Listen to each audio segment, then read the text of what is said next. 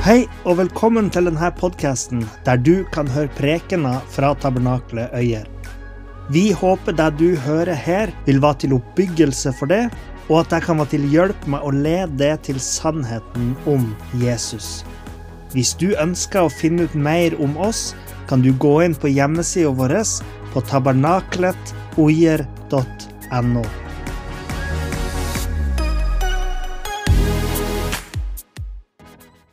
det hos den enkelte, i hjem, i nasjon. Ja. Så vi trenger ikke å slå på nyhetene så veldig skulle si, mye før vi merker det.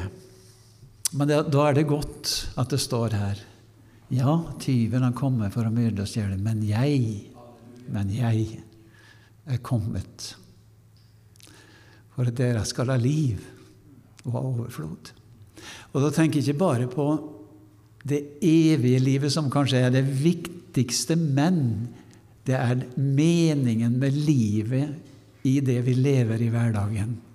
Der Jesus sier 'Jeg er kommet for å gi dere liv og overflod'. Altså Han har noe å gi til hver enkelt i den situasjonen vi er i. Han har lov til å være med hver dag, står det.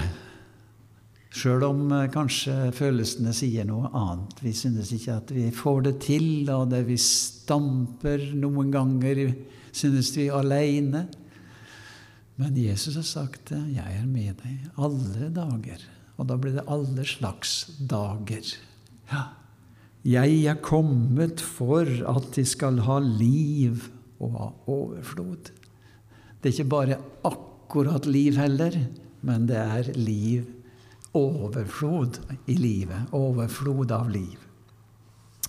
Og eh, det var vel Peter, tror jeg, i Korneliehus, eh, som var på, kom der, så, så snakka han om Jesus. Og så står det der, bare siterer der i det tiende kapittelet i apostelgjerningen, 38. verset så står det og det taler om at Gud salvet Jesus fra Nasaret med Den hellige ånd og kraft, han som gikk omkring og gjorde vel og helbredet alle dem som var underkuet av djevelen, står det, fordi Gud var med ham. Han gikk omkring og gjorde vel og helbredet alle dem som var underkuet av djevelen. Altså tenke på i vår situasjon i dag. Er det noe verden trenger? Er det noe mine naboer trenger? Er det noe mine arbeidskamerater trenger? Det er Jesus som kan hjelpe dem i den tanken djevelen han underkuer mennesker på forskjellige områder.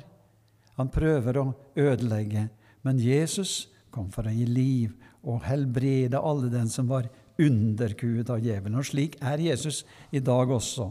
Og her står det henvist eh, til Jesaja 61. Og da skal vi ta med oss det. Jesaja 61.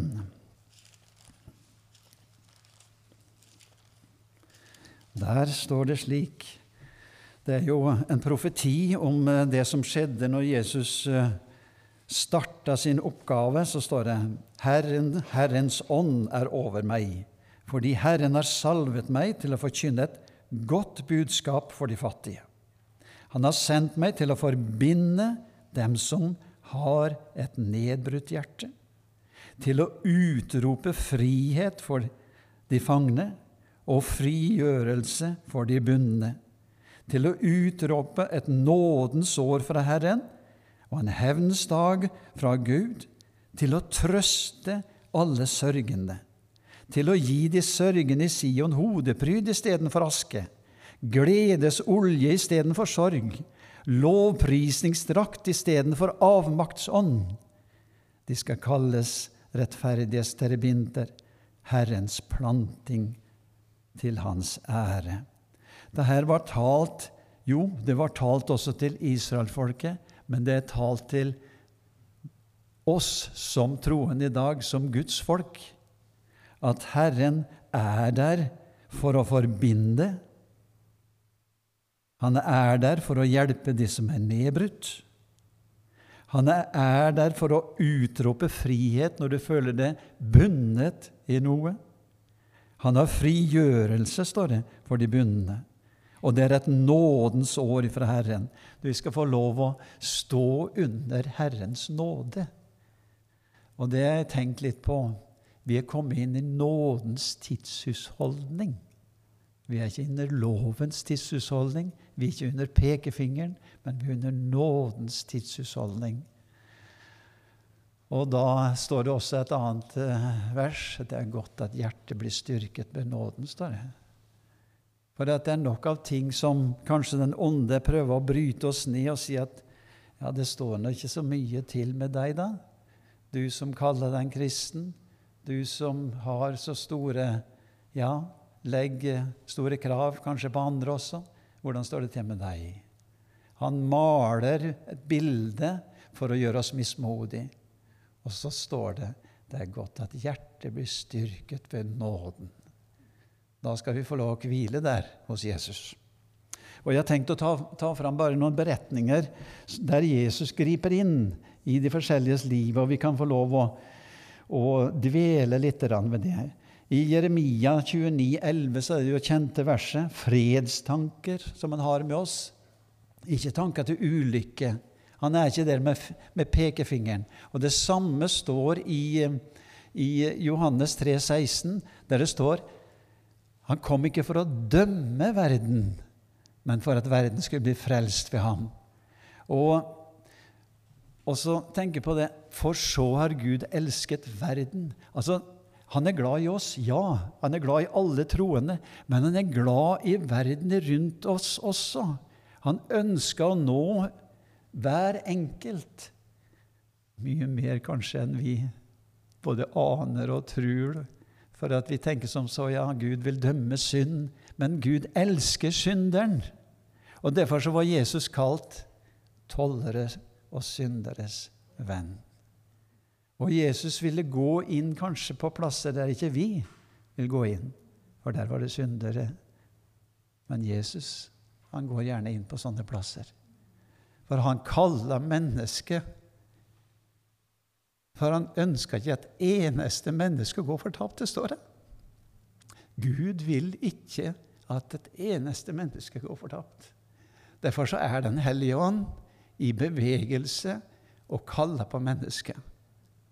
Og det er han som overbeviser om synd, dom og rettferdighet. Så skal vi få lov å være med på det der, både i bønn og i offer og i arbeid.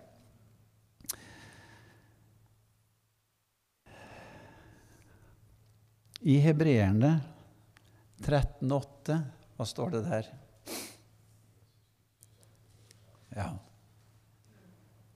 Hva sa du, Olav? Ja. Tenk på det. Vi leser om Jesus, hva han gjorde når han gikk rundt omkring og gjorde vel. Og så står det han er i går og i dag den samme, ja, til evig tid. Den samme omsorgen som han viste for folket da han gikk, den samme omsorgen har han i dag. Og han ønsker at, som Paulus underviste om, vi er Kristi utsendinger. Vi er Kristi medarbeidere. Vi skal være med i den forlikelsens tjeneste, står det. Å være med og bringe mennesket til Jesus. Så vi har en tjeneste, men eh, han har lovt oss kraft i tjenesten. Og så blir det sånn som Paulus sa til Timoteus Gud ga oss ikke motløshetens ånd, men han ga oss kraft, kjærlighet og sindighetsånd. Og slik er Jesus. Så du kan si at det står ikke på Jesus. Og så blir vi oppmuntra der det står Er dere oppreist med Kristus, da søk de som er der oppe. Der Kristus sitter ved Faderens høyre hånd. Altså, det er ressurser å ta ut. Og i Efeserbrevet så står det om vi er velsigna med all åndelig velsignelse i himmelen i Kristus Jesus. Så det er litt av en konto som vi har.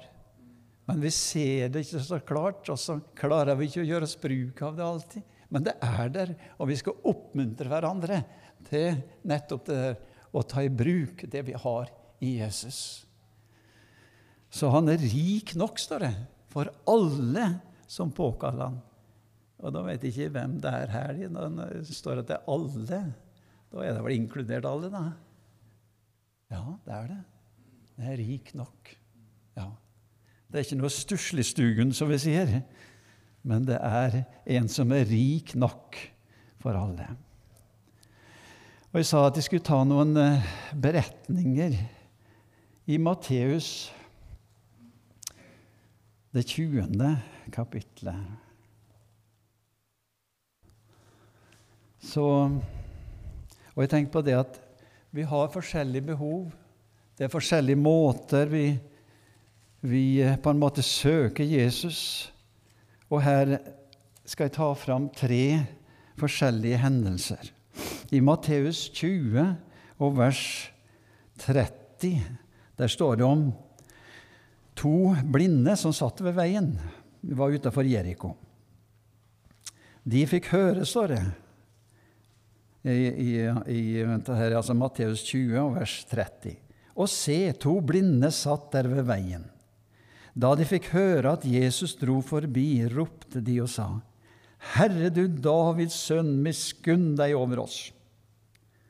Folket truet dem og sa de skulle tie. De ropte bare enda høyere. Herre, miskunn deg over oss, du Davids sønn. Da stanset Jesus, og han kalte dem til seg og sa, Hva vil dere jeg skal gjøre for dere? De sa da til ham, Herre, at øynene våre må bli åpnet.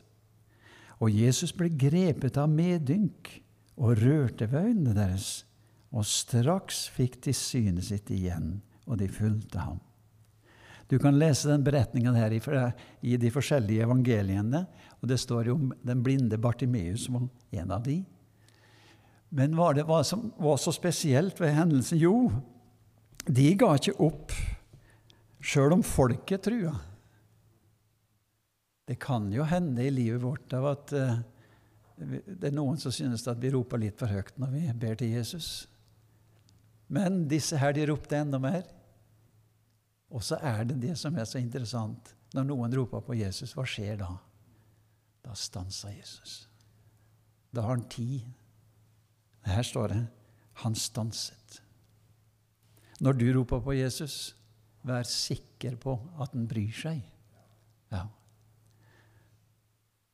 Han gjør ikke forskjell på folk, står det. Og hvis det, hvis det står her at han stopper opp for de, denne vedkommende, så stopper han opp for deg også. Og for meg midt i det vi roper til han.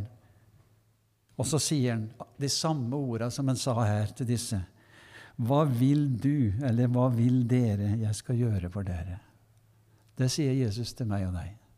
Hva vil du jeg skal gjøre for deg? Og da er det bare å komme med behovet. Tømme ut hjertet. Og jeg sa det til en, eh, en av ungdommene her som hadde nettopp begynt i, i tjenesten og så var han sliten. Så sa jeg det bare på den måten. Len deg på Jesus. Len deg på Jesus. Og det kan vi få lov å gjøre alle sammen. Og Jesus har jo nettopp sagt det.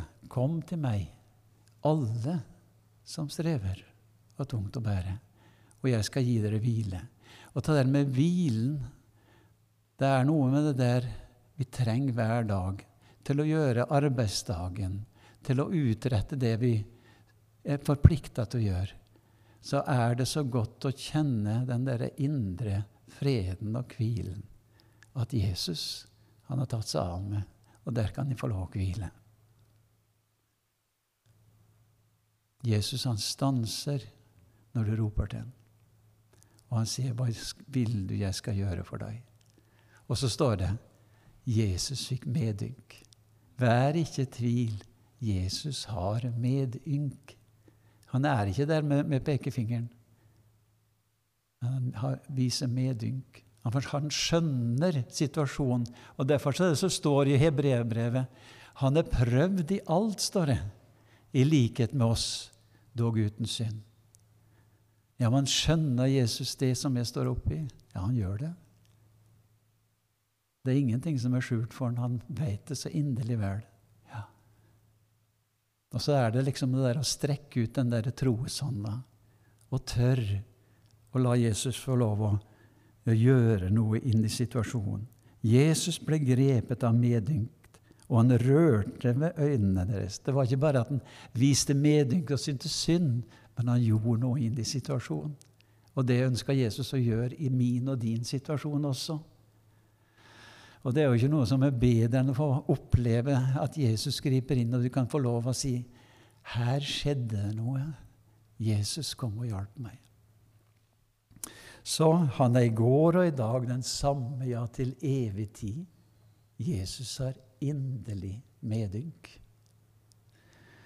Og han er ikke langt borte. Det står at han er nær ved. Vi skal slippe å fare opp i himmelen for å hente den ned. Vi skal slippe å fare ned i avgrunnen for å hente den opp, står det også. Vi har en annen beretning i Markus 5 som jeg hadde også lyst til å ta fram. Fordi at livet det kan by seg på, så mange utfordringer, og noen ganger så er det ting som vi ikke kan fortelle til andre. Men det er bare Jesus som kan gjøre noe med det. Der står det i Markus 5 Og det, her er i grunnen syns jeg noe interessant. Eller det er jo mye interessant i Bibelen, men også jeg syns det er her er det i Markus 6, fra vers 21, så leser vi om at eh, Ja, vi kan lese fra vers 22, faktisk. Og en av synagogeforstanderne ved navn Jarius kom dit. Da han fikk se, eller får se Jesus, kaster han seg ned for hans føtter. Han ber han inntrengende og sier, 'Datteren min ligger på det siste. Kom og legg hendene på henne, for at hun kan bli helbredet og leve. Så står det han gikk da med ham, og en stor mengde fulgte med, og de trengte seg om han. Altså, nå var Jesus på vei til Jairus for å hjelpe ham i den situasjonen han var i. Og så kommer det bare en sånn lite innsnitt i fortellingen, så står det der var også en kvinne. Altså, Jesus var på vei til å hjelpe Jairus, men så står det å, det var også en kvinne der. Det var noen andre også som hadde et behov. Og slik er det. Jesus, han Ja, du synes han er så mye opptatt med andre. Og så er du der også. Ja. Og, det, var også en kvinne der. Og hva var hennes situasjon da?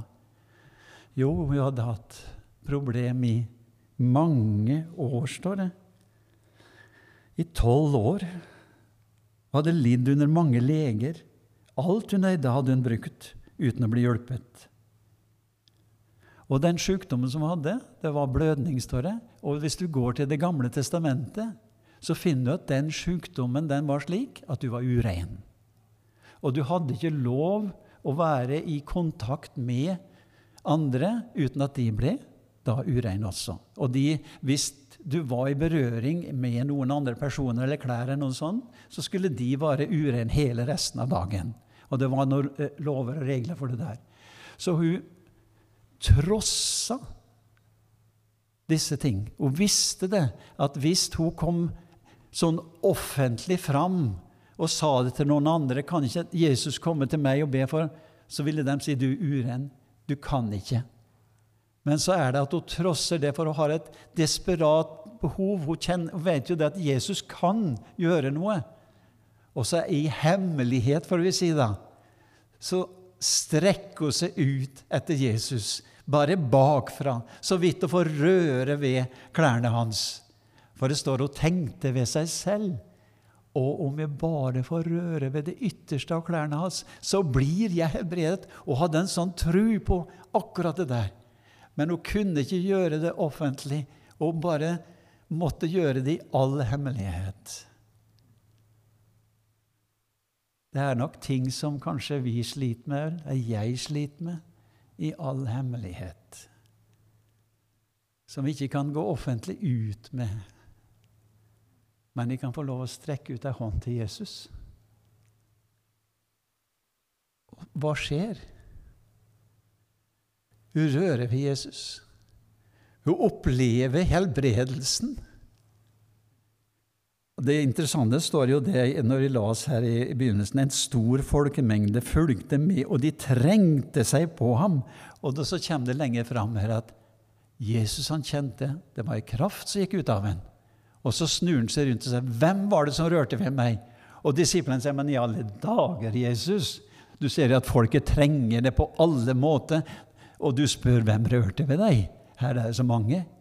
Nei, Jesus kjente her er det én person med et behov som har blitt møtt. Han kjente det. Og så kommer hun fram for Jesus. Men kvinnen som visste hva som var skjedd med henne, kom redd og skjelvende fram. Hun falt ned for ham og fortalte ham hele sannheten. Han sa det til henne, 'Datter, din tro har frelst deg. Gå bort i fred. Vær helbredet fra din plage. Det som du har, som du strever med, i hemmelighet Jesus kan hjelpe. Jesus han møter oss i de forskjellige behov. Du trenger ikke å annonsere det høyt og til, men du kan gå til Jesus med det. Og Jesus har lov til å hjelpe. Slik er Jesus han i går og i dag den samme, tenkte jeg. Altså, tenk ikke bare på den beretningen, men tenk Jesus er slik nå at jeg kan også i hemmelighet komme fram til Jesus. Og så kan jeg komme med vitnesbyrd etterpå. Jesus, han hjalp meg. Det som ingen visste om, det hjalp Jesus meg om. Og da kan de få lov med frimodighet å fortelle hva Jesus har gjort.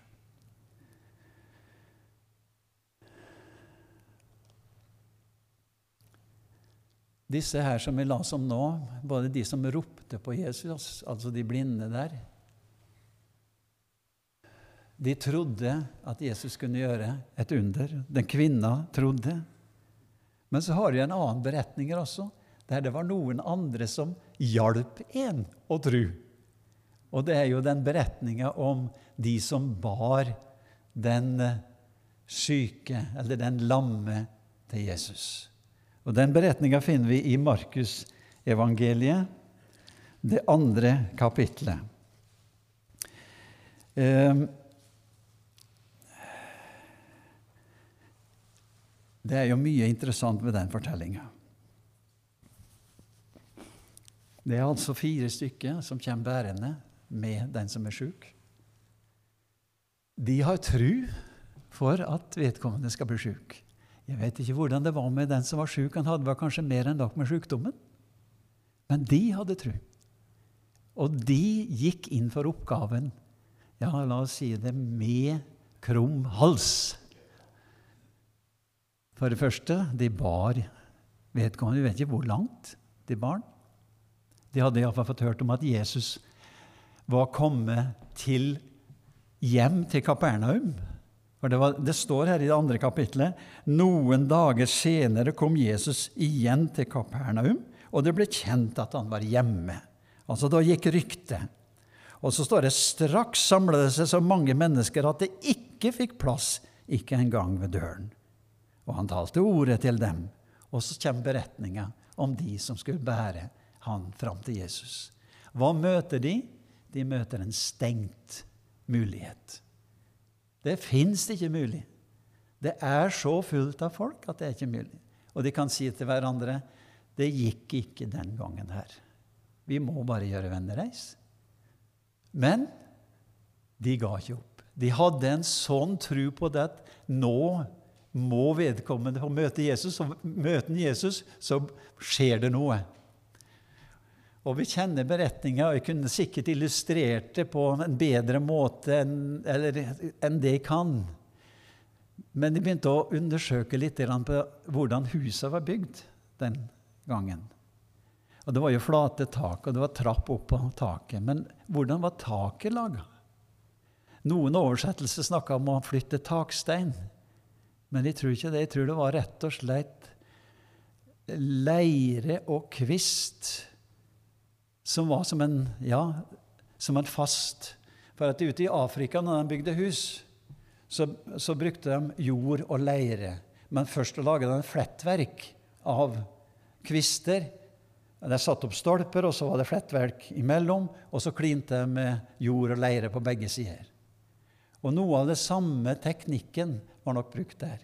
Så når de bestemte seg for å lage høl i taket, så tror de det dryssa litt ned på Jesus. Det måtte det. Vi får ikke mange detaljer, men det var støvete der. Men hva var det som var det store ved det? Da Jesus så deres tro. De ga ikke opp. Og jeg tenkte som så hvem betalte regninga for reparasjonen av huset etterpå?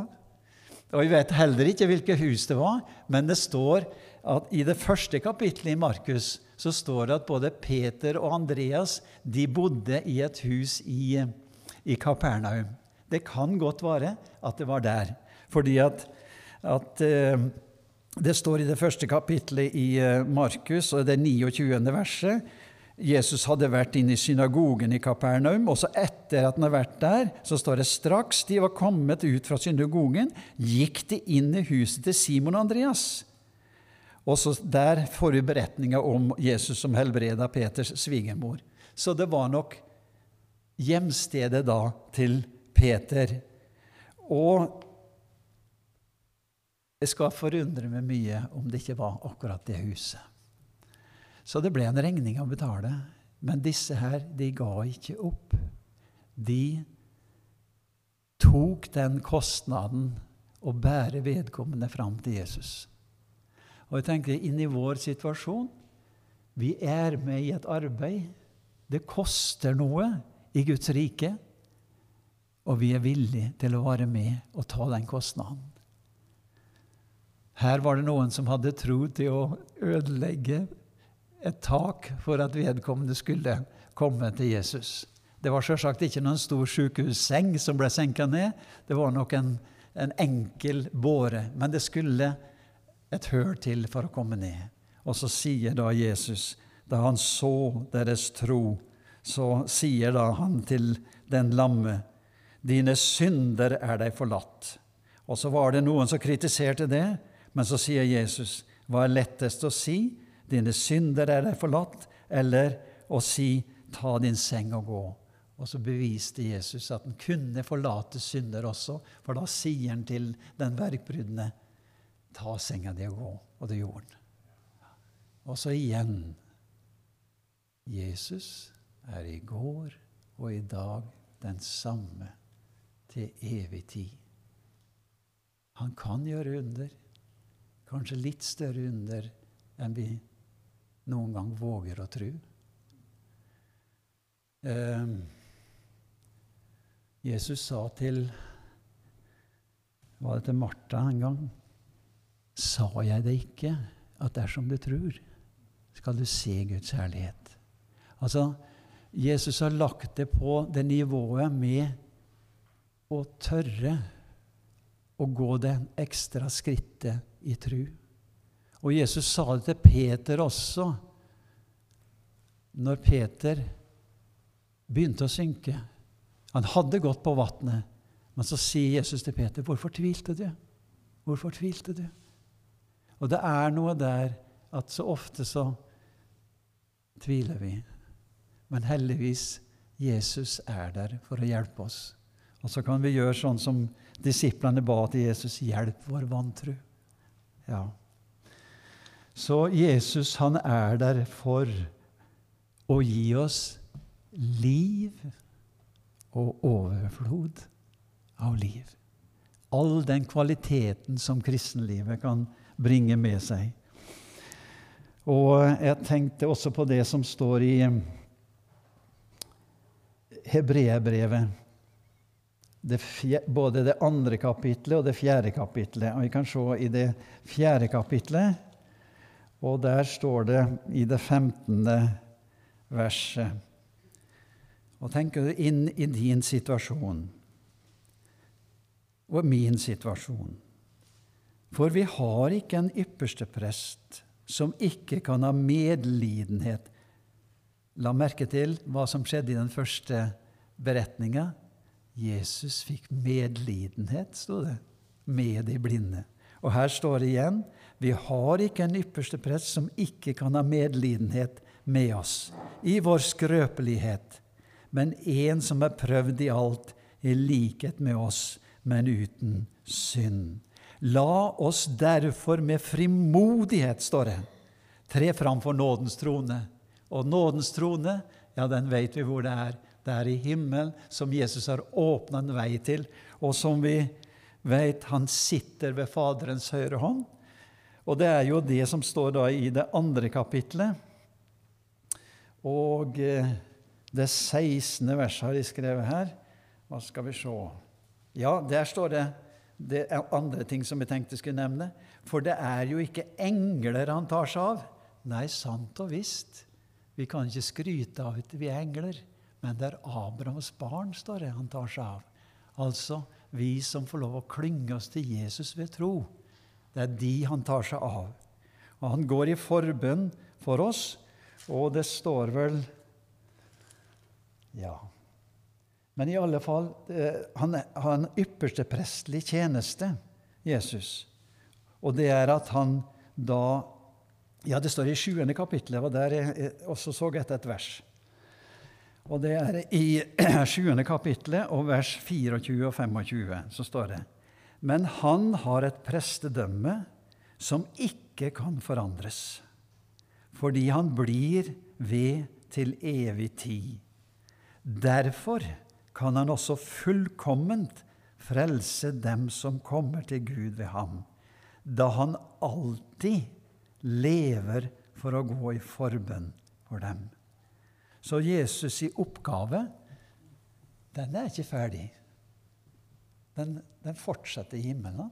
Han gjorde forsoningsverket her. Han la grunnlaget, og så har han oppgaven der han ber for oss for deg i den, din situasjon som du er i. Og det er godt å vite. Når ikke vi får til å be alltid, så er det en som ber for oss. Og så taler han, Det står at han er advokat. Han taler vår sak innenfor Faderen. Og kan det være noen som taler vår sak bedre? Nei. Han kjenner oss ut og inn, som Peter sa. Du kjenner, du vet alt. Ja, Men så visste han også det som Peter sa.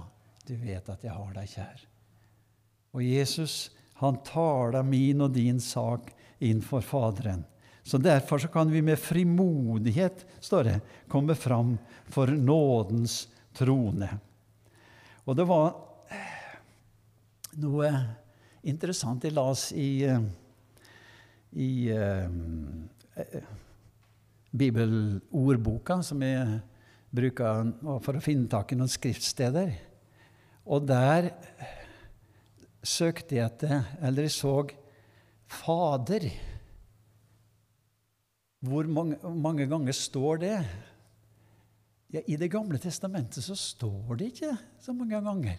Det står faktisk henvist bare ordet Fader i den forbindelsen. Det er profetien om Jesus som skal kalles mektig Gud, evig Far, fredsfyrste. Men ellers så var det ikke noen henvisninger.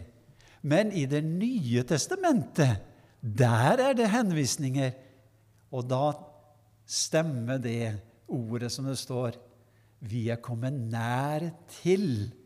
Vi som var langt borte, vi er kommet nær til, sånn at vi kan kalle Gud vår far. Og vi er hans barn.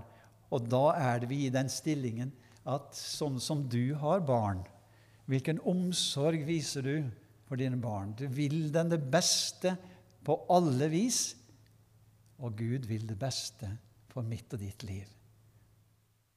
Han elska oss så høyt at han ga Jesus. Og den samme kjærligheten når vi ser, han er i går og i dag den samme. Han har den samme kjærligheten. Og vi kan med frimodighet si 'Far'. Ja. Han er den rette far til den som kalles Guds barn. Og det er vi. Ja, det er vi, sier Johannes, vi som har fått lov å tatt vår tilflukt til Jesus. Så må Jesus få hjelpe oss til å hele tida Ja, det der med at han har seira over det onde. Jesus har gitt all makt i himmel og på jord, står det. Så når vi synes det er mørkt, vanskelig, problemer, så har Jesus seira. Han har seira i den situasjonen også. Så Derfor så kan vi med frimodighet legge fram ting framfor Jesus. Og han er der for å hjelpe. Han har ikke forandret seg. Så må Gud styrke og velsigne oss. Jeg sier ikke bare den prekenen her til dere, jeg sier det like godt til meg sjøl. Vær frimodig. Stol på Jesus. Legg det fram for Han så vil han gripe inn og hjelpe. Må Gud velsigne og styrke hver enkelt av oss. Takk, Herre Jesus, for ordet ditt, som har gitt oss til oppmuntring. Og Jesus, du er ikke der med pekefingeren og vil pirke på det som vi ikke får til, men du har sagt, 'Kom til meg, du som strever og har tungt å bære. Jeg skal gi deg hvile. Jeg har betalt prisen. Du er ikke fullkommen, men jeg har gjort at du er fullkommen i Guds øyne. For du er i meg, og jeg har betalt prisen. Takk, Herre Jesus, at det er slik. At i deg så er det ingen fordømmelse, det står det. Det er ingen fordømmelse for den som er i Kristus Jesus. Takk, Jesus, for at du har gjort det sånn at vi har fått blitt kjent med deg. Og så legger du også et alvor over oss og måtte flere bli kjent med deg. Hjelp oss til det, Herre Jesus, i vår hverdag. Amen. Takk for at du hørte på. Hvis du tok et steg i tro i dag, eller du har noe du ønsker forbønn for, så vil vi gjerne høre ifra det via e-postadressen kontakt alfakrølltabernaklet.oier.no. Du er òg velkommen til våre ukentlige gudstjenester i menighetslokalet i Haugskutua 5 26 36 Øyer.